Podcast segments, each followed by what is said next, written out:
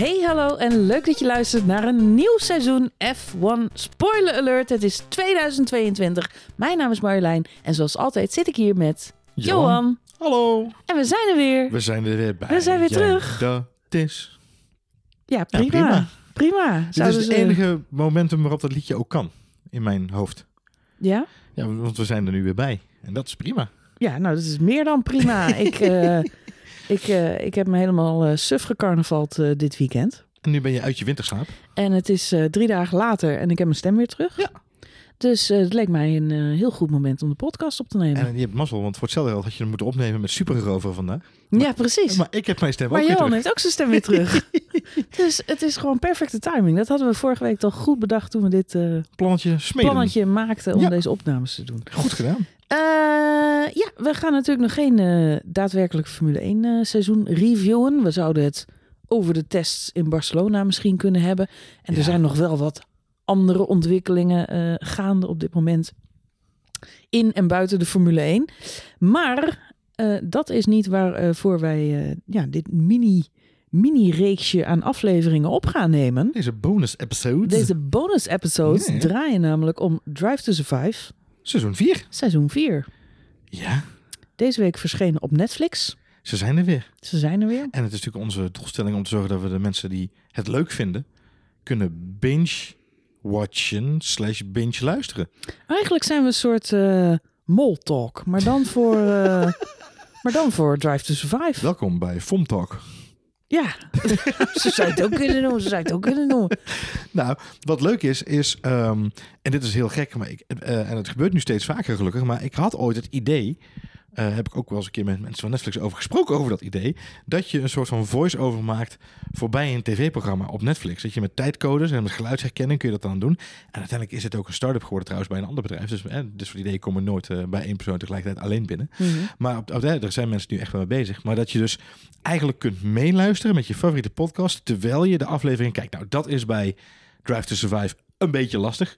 Eh, om dat eh, mee te laten lopen. Eh, maar het is wel leuk om na zo'n aflevering nog even gelijk. Nou, ik vind dat wel grappig om nog even wat reviews dan terug te luisteren van, van andere mensen. Het zijn een beetje de director notes. Die, je- vroeger had je dat op dvd's. Hè? Dan had je de film, had je Lord of the Rings. En dan kon je ook nog De director's cut. Ja, de die, director's cut kijken. Die was vaak langer. Maar dan kon je hem ook eh, oh, luisteren ja, ja, met, met de voice-over. van, eh, nou, van de regisseur. Of, eh, Maar in plaats daarvan eh, moet je het helaas doen met die twee eh bronberen van de Muppets. Niks gedirect aan de en je hoeft aflevering. dit ook niet over de aflevering heen te luisteren. Nee, nee ja, het- Kijk gewoon lekker eerst die aflevering. ik vermoed overigens Marjolein, om dan maar gelijk erin te duiken. Ik vermoed dat een hoop mensen zullen zeggen, nou, als we dan toch het commentaar opnieuw opnemen, dan doe maar met eh, mensen die ook een beetje leuk klinken. Ik zeg niet dat wij het zijn, maar eh, het viel mij wel weer op. Ik weet niet hoe jij dat ervaren hebt, maar het was weer eh eh, nabewerking galore met de voice-overs. Het was zeker nabewerking, Gloor. Voordat we losgaan over de aflevering, de eerste aflevering van Drive to Survive. Ja, Misschien nog een kleine eh, knipoog naar onze eh podcasttitel. ja, ja, maar dat lijkt me evident. Ja? Ja, Nee, ja, goed. Ik zeg het er toch maar even bij. het gaat over Formule 1. Ja. Oh, dat bedoelde je niet. En Max Verstappen is wereldkampioen. Mijn dochter zei vanavond bij het avondeten... Ik kan nog steeds niet geloven dat Max Verstappen wereldkampioen Ja, is. en gewoon ook random. Ja, Nou heb ik diezelfde random gedachte ook regelmatig. ik denk dat meer mensen dat hebben. Ja. Niet alleen zevenjarigen. Zo'n random moment. Oh, Ja, ik kan nog Oh, steeds ja. niet geloven dat Max Verstappen wereldkampioen is. Dat weten we. Die spoiler die, eh, die kunnen we alvast weggeven. Mocht Ja. je het hele seizoen eh, geen Formule 1 hebben gekeken. Eh, Ja. zouden er mensen zijn die het hele seizoen gewist hebben. Jongens, En- ik sla het 1 seizoen over. Ik kijk wel Drive to Ik Survive. kijk Drive to Survive. En die dat nog spannend vinden. Krijg ik daar nog een goed gevoel Nou, bij. dan Ja. heb ik bij deze de uitslag voor je verpest. Ja. Want aan het eind van tien afleveringen Drive to Survive is Max Verstappen wereldkampioen Formule 1. Weer wereldkampioen Formule 1. Dus eh, die spoiler die zet ik er vast in. Maar mocht je nou de aflevering, aflevering 1 van Drive to Survive nog niet hebben gezien. Ja, nee. Eh, dan is het raadzaam om die eerst te kijken. Want we gaan ja, wel dingen spoilen die in die We aflevering gaan het wel over die zitten. aflevering hebben, ja. Want we Ja. zitten nu gewoon al vijf minuten lang lekker te beppen. Maar we gaan het ook nog over die aflevering hebben. Ja, hallo, ik moet even inkomen. Ja, dat klopt. een tijdje geleden. Winterslaapje, hè? Ja, ik vind het leuk. Heb je nog leuks gedaan? Nee, nou, goed, een andere moment. Ander moment. Nou ja, ik vind het gewoon leuk om een keer, hè, om, om weer over iets anders eh, een keer te hebben. Met mij bedoel je? Of, Nee, Formule 1, gewoon. Hè, er is zoveel vervelend nieuws in Oh, de ja, wereld. En ja. Goed. La- laten we, Laten we ons eh, focussen op Formule 1. laten we af en toe eh, ja, de afleiding zoeken die, eh, die we nodig Goed hebben. idee, goed idee. Dus aflevering 1. Aflevering 1, Clash of the Titans. Clash of the Titans. Nou Marjolein, dus ik had hem er al een beetje ingegooid inderdaad, hè, dus daar hoeven we niet meer over te hebben. De nabewerkte voice-overs eh rondom Klinkt een beetje als een nieuwe Kevin Costner film, maar dat is het niet. Clash of the Titans. Ja. Dancing with Toto Wolves. Dancing with the Wolves is dan dat hij met Suzy en Toto Wolf... nou ja, goed. of de ehm, bodyguard van Christian Horner. Ja, leuk. Ja, Leuk. jij, jij merkte het net al op, maar ehm, eh, ja, van de Formule 1 beelden zelf worden wij nog steeds niet, eh, niet, niet heel eh, warm, Nee. moet ik zeggen. Ja, het is dramatisch. Maar, nou nee, dramatisch vind nee, ik maar het is dramatisch in beeld maar- gebracht. Ja. Ja, nee, ik, eh, wat mij bij de opening shots van de aflevering gelijk opvalt is, eh, we gaan gewoon lekker op dezelfde voet door. Ja. Er moet natuurlijk een hoop gerecapt worden, dus de aflevering begint eigenlijk met een eh, ja, vrij lange uiteenzetting van wat er vorig seizoen allemaal is gebeurd. We nemen ook behoorlijk de tijd voor de nieuwe line-up. Ja. Eh, mensen die van team gewisseld zijn. We hebben drie rookies. Je kunt echt merken dat setting the stage. Iedereen moet weer even opnieuw geïntroduceerd worden. Drive to Survive wisselt heel erg wat mij betreft tussen die hardcore Formule 1 fans die wij zijn. En ik Mhm. denk ook het grotendeel van onze luisteraars. En de mensen die het casual kijken, de Amerikanen, om het korter te zeggen. Want die, die gewoon even een geheugensteuntje nodig hebben. Welke sport ze nu Ja. ook alweer hebben opgezet. Maar de balans is wel Ja. heel extreem. En in die, in die zin, het gaat echt, hè, het- om in de termen van de afgelopen week te blijven, het gaat van links naar rechts. Ja. Ehm, want we beginnen inderdaad met die recap. Nou, er wordt in, in, in no tempo worden, vind ik alsnog wel vrij snel even alle nieuwe teams uitgelegd. En hè, Alpine is een nieuw team, dat weten we natuurlijk dat het niet zo is. Maar goed, wordt dan even zo wordt gemak uitgelegd. En Aston Martin wordt uitgelegd, nieuwe teambazen, links en rechts, et cetera. Dat gaat allemaal nog wel vrij vlotjes als je een nieuwe kijker bent voor de show dan denk ik, oké, nou, ze, ze zoeken dus wel degelijk een, een vorm, een soort tussenbalans tussen nou ja, neutraal, of hoe noem je dat, eh, casual kijkers en, en de echte fans van de sport. Hè, dat proberen ze op die manier een beetje te forceren. Maar dan later in de aflevering zien we ineens in, in een van de race scènes, gaan ze uitleggen, een pitstop is heel belangrijk, want je krijgt nieuwe banden. En als je nieuwe banden hebt, ben je sneller. Maar het kost wel tijd om de nieuwe banden erop te leggen. Dus het kan zo zijn dat je achter je tegenstander terechtkomt. Oeh. Nou, Marjolein, puntje, puntje van de stoel. Bij die uitleg van een pitstop. Ik 30 moet- jaar Olaf Mol heeft het Oh. nooit zo spannend kunnen uitleggen. Ik heb ook erg gelachen om, ehm, voordat we de eerste race eh, zien, zien we natuurlijk de eerste kwalificatie van het seizoen. En de muziek die daar dan onder staat, Ja. eh, die het soort van heel spannend moet maken. Omdat Max Verstappen nog op de baan is achter Lewis Hamilton en daar wel of niet overheen kan. En dat wordt dan ook gemengd met beelden van in de eerste, in de tweede sector was hij sneller dan Lewis Hamilton. Dan zie je ze bij Red Bull allemaal juichen. Ja. Dan denk ik, ja, sorry. Ja. Maar er wordt niet gejuicht als Nee, dat doen ze. Dat is een nieuwe heb teampolicy. jij ooit Ja, nieuwe teampolicy. iemand zien juichen als Max Verstappen sneller is in de tweede sector? Hier was, luister, hier was het nog. Happy Horner. Hashtag Happy Horner. en Happy Horner had als afspraak met zijn team. Oh. We vieren ook de mini-sectoren, jongens. Ja, we vieren Want wat er ook gebeurt, er valt al te vieren. Goed, over, eh, ja, ik ben, niet, ik ben nog steeds niet gecharmeerd en ik, ik realiseerde me dat net weer. Van de momenten in Drive to Survive waarop ze of een kwalificatie of een race, ja, soort van in een edit proberen te proppen. Wat me nu opviel, ik had me dat denk ik nog niet eerder gerealiseerd, maar je hebt geen tijden in beeld. En Formule 1 is heel erg een datasport. En als je niet een tellertje ziet meelopen, is het niet spannend. En Nee, dat, ja. dat mist echt Drive to Survive. Ik weet niet of dat een bewuste keuze is, of dat het niet mag, of geen idee. Maar ehm, het is alleen maar spannend, omdat je inderdaad in die sector paars ziet. En als, zo gauw je paars ziet, maakt je hart een sprongetje. Ja. Maar dat heb je niet als een commentator, die later is ingesproken, zegt... hij is sneller in de middelsector. Dan proberen ze dat op te lossen door een, een juichend beeld van het Red Bull-team... uit een ander shot erin te proppen. Zo van, oeh, paarse sector. Maar dan denk ik, maak nou gewoon visueel dat hij een paarse sector heeft. Want elke Formule 1-fanaat Ja. heeft een gevoel op het moment dat de kleur paars in beeld is. We hebben net de winterspelen gehad. dan zit je ook alleen maar naar. Bij, bij- ik, heb, ik heb amper verstand van schaatsen, maar zoveel verstand van schaatsen hoef je niet te hebben. Je hoeft alleen maar op dat balkje onderin te letten. En is het groen en staat er een minnetje voor, Ja. dan zijn we sneller dan de rest van de wereld. Of, nou, nou, of, en ik vond het wel een goede innovatie bij de Olympische Spelen. Goed, Ja. goed inhakertje. Ja. En ik dacht, dit kunnen we ook doorvertalen naar de Die Formule lijn. 1. Nee, oh eh, bij het kunstschaatsen had je boven in beeld tegenwoordig ook zo'n tellertje. En dan zag je hoe iemand zijn uitvoering heeft gedaan. Ja, ja, groen- kuur- groen korte kuur, is kuur. groen en, eh, bandje, groen bolletje, rood bolletje, Ja, geel bolletje. Als het wow, was, hè, een beetje matig. Toen dacht ik, dat is wel iets voor Mazepin dit jaar. Als hij weer zijn spin maakt. Oh, goeie Mazepin. Groene balk. Ik krijg alleen maar rode bolletjes. Ja, die doet meestal ook een korte kuur. Nee, die doen meestal een korte kuur. En ook vaak een vijfvoudige sprong. En een vijfvoudige, vijfvoudige Rietvalder. eh, Die ook wel eens met zijn, eh, met zijn auto. Nee, kijk. Het, het- en dit is het grappige. Jij zegt los van, los van minisectoren of dingen in beeld laten zien. Want dan ga je alweer, precies wat jij omschrijft, gaat eigenlijk weer meer naar de fans van de sport toe. Mhm. En minder naar de casual kijker. Ja. En die balans, die is eigenlijk altijd zoek. En het moeilijke vind ik van de beelden is niet zozeer dat ik... Ik hoef niet per se sectoren te zien. Want ja, weet je, dat, dat zegt niet zo heel veel in een fragment van drie minuten. Ja, maar dat is toch Maar- sportbeleving? Maar wat wel helpt, is... Er is totaal geen enkele context bij de beelden. Nee. De enige context die er is, is door eh, eh, eh, fake Sky Sports, fake Crofty. Die, de fake Crofty wordt ingesproken.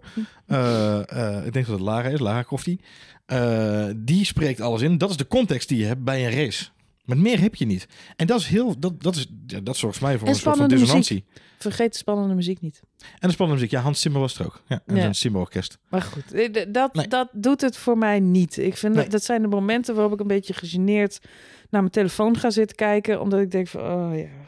Kijk, je weet de uitslag al en dat is ook niet zo erg. Maar ik vind het, ja, qua, eh, ja hmm, jammer. Ze hadden dat denk ik anders op kunnen lossen. Nou ja, dat, dat, ik denk niet dat ze dat doen, want dat doen ze al drie seizoenen. Hiervoor hebben Nee, ze het ook daarom niet zeg ik, ze gaan en het, zelf en het werkt wel. Hè. Kijk, als je andere documentaires kijkt, want dat is ook weer het productiemaatschappij die hierachter zit. Het is natuurlijk een bekende sportproductiemaatschappij. Mhm. En, en de dingen die ze doen, die creëren een, een gevoel van connectie en emotie met hun kijkers. Daar winnen ze Oscars en Emmys mee.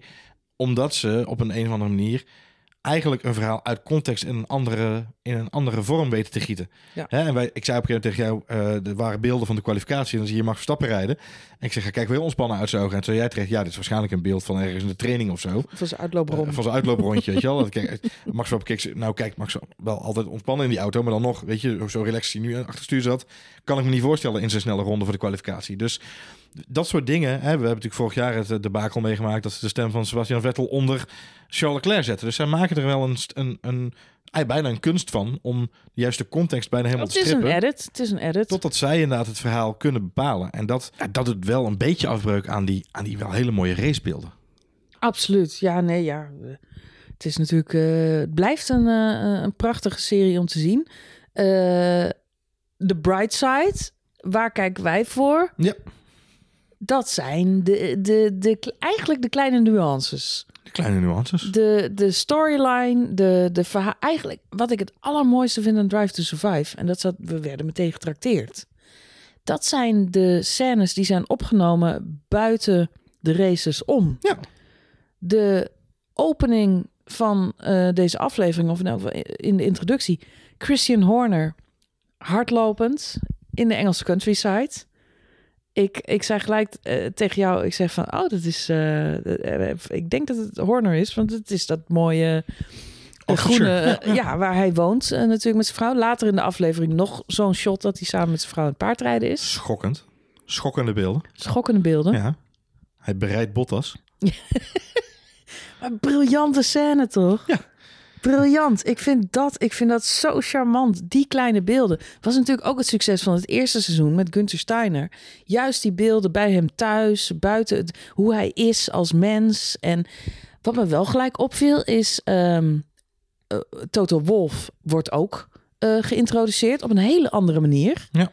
Ze kiezen er eh, gelijk voor een good guy en een bad guy neer te zetten in deze eerste aflevering. Ja, maar naarmate het, eh, de aflevering vol, eh, eh, eh, eh, voortging... Mhm. In eerste instantie had ik zoiets van... Oh, ze gaan inderdaad... Hè, we zeiden het eigenlijk al gelijk tegen elkaar. Christian Horner wordt als protagonist neergezet. Hè, de- als de good guy. eh, de grote uitdager van eh, de Big Bad Wolf. Letterlijk en figuurlijk. Rocky. Ehm, ja, Rocky inderdaad. Rocky ja. in zijn, in zijn, in- met zijn hardloop eh, dingetje. En daarna met zijn vrouw lekker Ja, op een paardje. paardje, de bloemetjes en de een Mooi bijtjes. verhaal maken. Maar hills are alive. je merkt wel... En je ziet ook de, gelijk dus de, de, de spanning tussen Wolf en Horner wordt ik in beeld gebracht. En daardoor had ik een beetje dat het interview pas wat later was opgenomen. Hè? Dat, het was Wolf alleen maar om het geld te doen. En hij heeft het team eh, natuurlijk eh, overgenomen van, van iemand. En Mm. iedereen die de sport gevolgd heeft afgelopen jaar weet dat die quote pas veel later in het seizoen kwam. Toen waren Mhm. de handschoenen bij beide heren al af. Dus ik vermoed af, uit. Eh, ik vermoed dat, eh, dat er een aantal dingen van, dit, eh, van deze aflevering wat later zijn opgenomen en er nog zijn ingeknipt, om het zo maar even te zeggen. Mhm. Maar naarmate de aflevering eh, vorderde, eh, probeerden ze dat wel weer een beetje in balans te brengen. Om toch een beetje nog niet nu al een keuze te maken tussen goed en slecht. Of tussen hè, niet de twee kampen te creëren gelijk. Want ze ook een aantal keren Horner laten zien waarbij hij ook zijn obnoxious zelf is. Door inderdaad te roddelen over Mercedes of... eh, eh, bij, de, bij, de pole, bij de pole position, hè, dan de voice-over, dat hij tegen zijn, eh, zijn eh, teamgenoot van Red Bull zegt, eh, een collega die naast hem staat, van nou, we moesten toch iets doen om die grens van zijn gezicht te halen. Weet je, Ja, maar het zit hem kleine- niet. Ja, maar goed, het zit hem niet. Kijk, eh, eh, Christine Horner is ook geen lievertje. Hè? Ik ga niet beweren dat dat een. eh, een Nee, eh, ik denk een- dat het de eerste straatvechter was van het afgelopen seizoen. Dus ik denk dat we dat niet kunnen verstoppen, helaas. Nou ja, goed. En inderdaad, dat roddelen, ja, dat wordt wel een beetje. Dat eh, kan ik me herinneren. Het vorige seizoen werd het ook wel een beetje herhaald steeds. Hij maakt natuurlijk opmerkingen. Aan de andere kant, ja, je hoort eigenlijk iedereen wel van die kleine opmerkingen de hele tijd. Gunsteiner, hè, die, die, die spreekt ook gewoon continu uit dat hij ergens de balen van heeft. Ja. Dus en dat is vrij veel. een vloek en een zucht zijn groot als je het zo edit op deze manier. Daarmee laten ze die baalmomenten eh, zien. Ehm, wat mij wel eh, opviel, is dat ze er bijvoorbeeld ook voor kiezen een paar, ja, eigenlijk betekenisloze scènes rondom Toto Wolf eh, naar voren te halen. Eén is de fotoshoot, waarin hij eh, gefotografeerd wordt voor het nieuwe seizoen. Ja. Waarin hij ook ja, eigenlijk laat merken dat hij best wel bezig is met zijn uiterlijk. En zo van, eh, wat heb, heb ik eh, kreukels op mijn shirt? Of Is het is het roos? Of, en dat hij de foto dan ziet en die moet nog wel flink gefotoshopt worden. En zij is ijdel, is een van de dingen die meteen geïntroduceerd wordt. Versus, nou, Christian Horner, die lekker aan het hardlopen is. En op Bottas in in zijn kloffie. Ja, nee, maar ik bedoel meer te zeggen... met zijn Ja. vrouw genietend, relaxend. Zich aan het opladen, zich aan het... Niet be- bezig met uiterlijk vertoon. Maar weet je, het is een keuze van een regisseur... om op die manier twee personen tegenover elkaar te zetten. Ja. En eh, het andere moment van Toto Wolf is natuurlijk... dat zij, dat hij met zijn vrouw zit te ontbijten of In de lunchen. hospitality inderdaad, ja. Ja. ja. En daar een, een lunch of een ontbijt bestelt. Een ontbijt volgens mij inderdaad. Oh, in het Duits. Ja, in het, wat, wat prima kan bij Mercedes waarschijnlijk, in het Duits bestellen. Maar het is meer de manier waarop hij bestelt. Hij Ja. moet een bepaald soort toastje hebben. Dat moet op een bepaalde manier kraken. Er moeten verse tomaatjes op zitten. Die moeten nog uit Italië worden ingevlogen.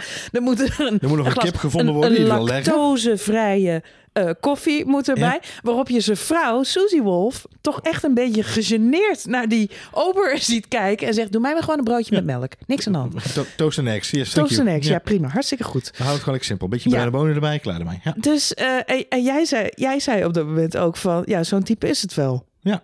Ja, maar Dus ja. ja, het, is to- ja, het zet wel een karakter neer meteen. Dus het, Ja. eh, hè, als je een, een ark wil bouwen dit seizoen, dan zijn de messen geslepen. En eh, het heet niet voor niks inderdaad Clash of the Titans, eh, deze aflevering.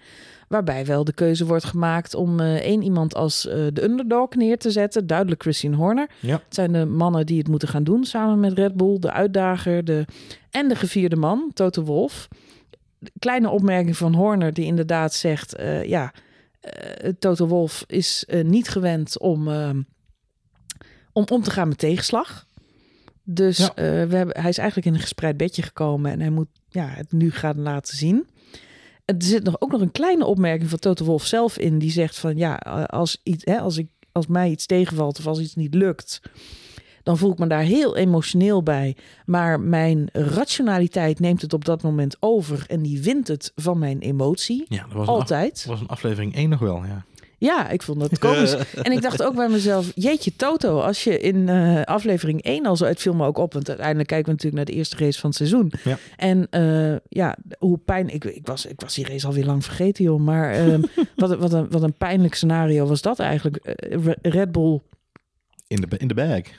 ja, gewoon bij de wintertest het snelste. Pole position, het snelste. Op de baan, het snelste.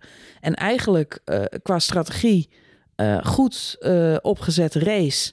Echter, ja, de inhaalmove die Max Verstappen daar maakt, eh, ja, is gewoon niet Buiten perfect. Nee. Is buiten de baan. Moet je positie teruggeven. Ja, zijn je banden eraan. Kun je het niet nog een keer proberen. En Ja. word je tweede. En dan Toto Wolf staat op dat moment al met een grote grijns in de camera. Wij, hadden de, wij waren de beste auto, beste coureur en de beste strategie. Waarop ik denk, no. Ja, wat, je, wat, je terug, wat je terug ziet in deze aflevering. En eh, het is jammer dat we. Eh, was overigens ook de conclusie die ik trok alweer bij het zien van de trailer. En ook gewoon het, eh, de eerste paar minuten van de, van, de, eh, van de serie. Is natuurlijk heel weinig Max Verstappen nu. Zeker nu die wereldkampioen is. En het zo'n vette strijd geweest met Hamilton. We zien Hamilton wel regelmatig in beeld. Met zijn obligate quotes. Het zijn eigenlijk altijd dezelfde quotes. Zo Yep. cut en paste van vorig jaar, denk ik zo'n beetje. Je kunt ze gewoon hergebruiken. Je kunt het gewoon hergebruiken inderdaad. Maar wat me op, hè, dus jammer, weer weinig Max Verstappen. Maar die hadden we kunnen invullen van tevoren natuurlijk op basis van de eerste drie seizoenen. Ehm, wat mij opvalt is dat ze eigenlijk drie, ehm, drie verhaallijnen heel stevig willen gaan neerzetten.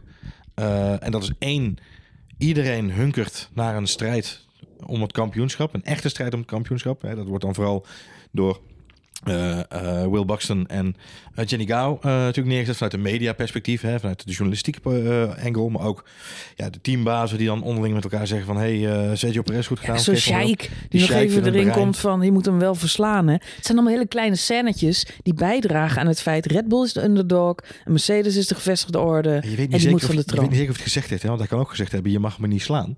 Ehm, maar dus dat één, hè, dus iedereen zoekt een, een strijd tussen die twee. Twee is ehm, eh, de rivaliteit tussen Mercedes en Red Bull. Horner en Wolf. Nou ja, goed, later in het seizoen waarschijnlijk nog wel wat meer van Hamilton en Verstappen. Maar ja, tot een minimum, want ze hebben Verstappen niet. Dus ze moeten het ook wel een beetje op met Wolf en Horner doen qua rivaliteit. Dus dat, ja, hopelijk eh, we gaan we natuurlijk zien de rest van het seizoen hoe dat zich ontvouwt. En als laatste, en dat is de rode draad die ze natuurlijk in die laatste shots heel hard duidelijk maken, is de wedstrijdleiding. En ik vermoed, ik ben bang en ik vrees met grote vrezen, zeker naar aanleiding van de afgelopen weken, wat natuurlijk de uitkomst is geweest ook van het onderzoek van FIA, dat dit echt nog eenmaal een van de belangrijkste rode draden gaat zijn in het hele seizoen, namelijk de wispelturigheid van de wedstrijdleiding. En het enige wat ik me realiseerde is, ik was niet zozeer het moment vergeten, maar wel de manier waarop. En als je de beelden terugziet, denk je, ja, het was ook wel rare. Het was, het, ja, je mag er een straf voor geven, maar het had niet per se hoeven, want hij was er al voorbij. Ik zat gelijk ja. weer in diezelfde discussiemodus. Dat ik dacht, oh ja, dit was, dit was ik even vergeten in mijn winterslaapje. Ik was ook een beetje zagrijnig. Want het was eigenlijk een hele leuke aflevering. En dan verliest Max die race weer. Het was ik toch weer zagrijnig. Toen zei je, het wordt weer zo'n seizoen. Ja, het wordt weer zo'n seizoen. Volgens mij zei ik dat ook in de eerste podcastaflevering. Voor ja, dat zou zo maar kunnen inderdaad. zou goed ja. kunnen. Maar goed, ehm, ja. Wie overigens niet denkt dat het zo'n seizoen wordt, is Daniel Ricciardo. Nee. Die, Die, komt eh, eh, groot glimlachend, dat mag je niet verbazen, in beeld. En eh, spreekt over zijn switch naar McLaren als zijnde. Ik denk dat ik het helemaal ga maken dit seizoen. Ah ja, Daniel, Daniel, Daniel, Daniel Ja, mag Daniel. Ricciardo, ik mag Daniel zeggen, is natuurlijk een van de hoofdpersonages van Drive to Survive. Dat is hij al vier seizoenen lang. Eh, Christian Horner trouwens ook. Toto Wolf is er volgens mij een beetje aan zijn haren bijgesleept. Er wordt nu als eh, Darth Vader soort van eh, ook in dit, eh, Voorspoel. Ja. in dit script eh Gunther is verwerkt. natuurlijk ook weer van de bij. Ja. Gunther, die staat, ja, die kun je er eigenlijk altijd bij hebben. Ja, maar goed, Daniel Ricciardo moet wel, ja, zendtijd krijgen in deze aflevering. Want ja, het, uiteindelijk gaat hij natuurlijk waarschijnlijk de komende afleveringen door een diep dal. Ja. Want het was natuurlijk helemaal niet zo florisant. Maar wat zegt hij in deze eerste aflevering? Ik hoop dat ik aan het eind van het seizoen kan zeggen dat ik een rol van betekenis heb gespeeld voor dit team. Ja. Ja, en uiteindelijk weten we natuurlijk allemaal, spoiler alert, wint hij een race. Dus zou het daarmee dan allemaal goed zijn? Ik kan me de aanzwellende violen al bijna inbeelden in mijn hoofd. Op het moment eh, dat eh, die aflevering aan de beurt is. Ik ben nu vooral benieuwd naar de volgende aflevering. Want daarin staat inderdaad volgens mij nog dat eerste stukje van die reis van Ricciardo in, onder de aandacht. Dus eh, dan gaan we daar eens even lekker naar kijken. laten we snel verder gaan kijken jongens. Tot de volgende aflevering. Dan gaan we verder met aflevering 2, Drive to Survive.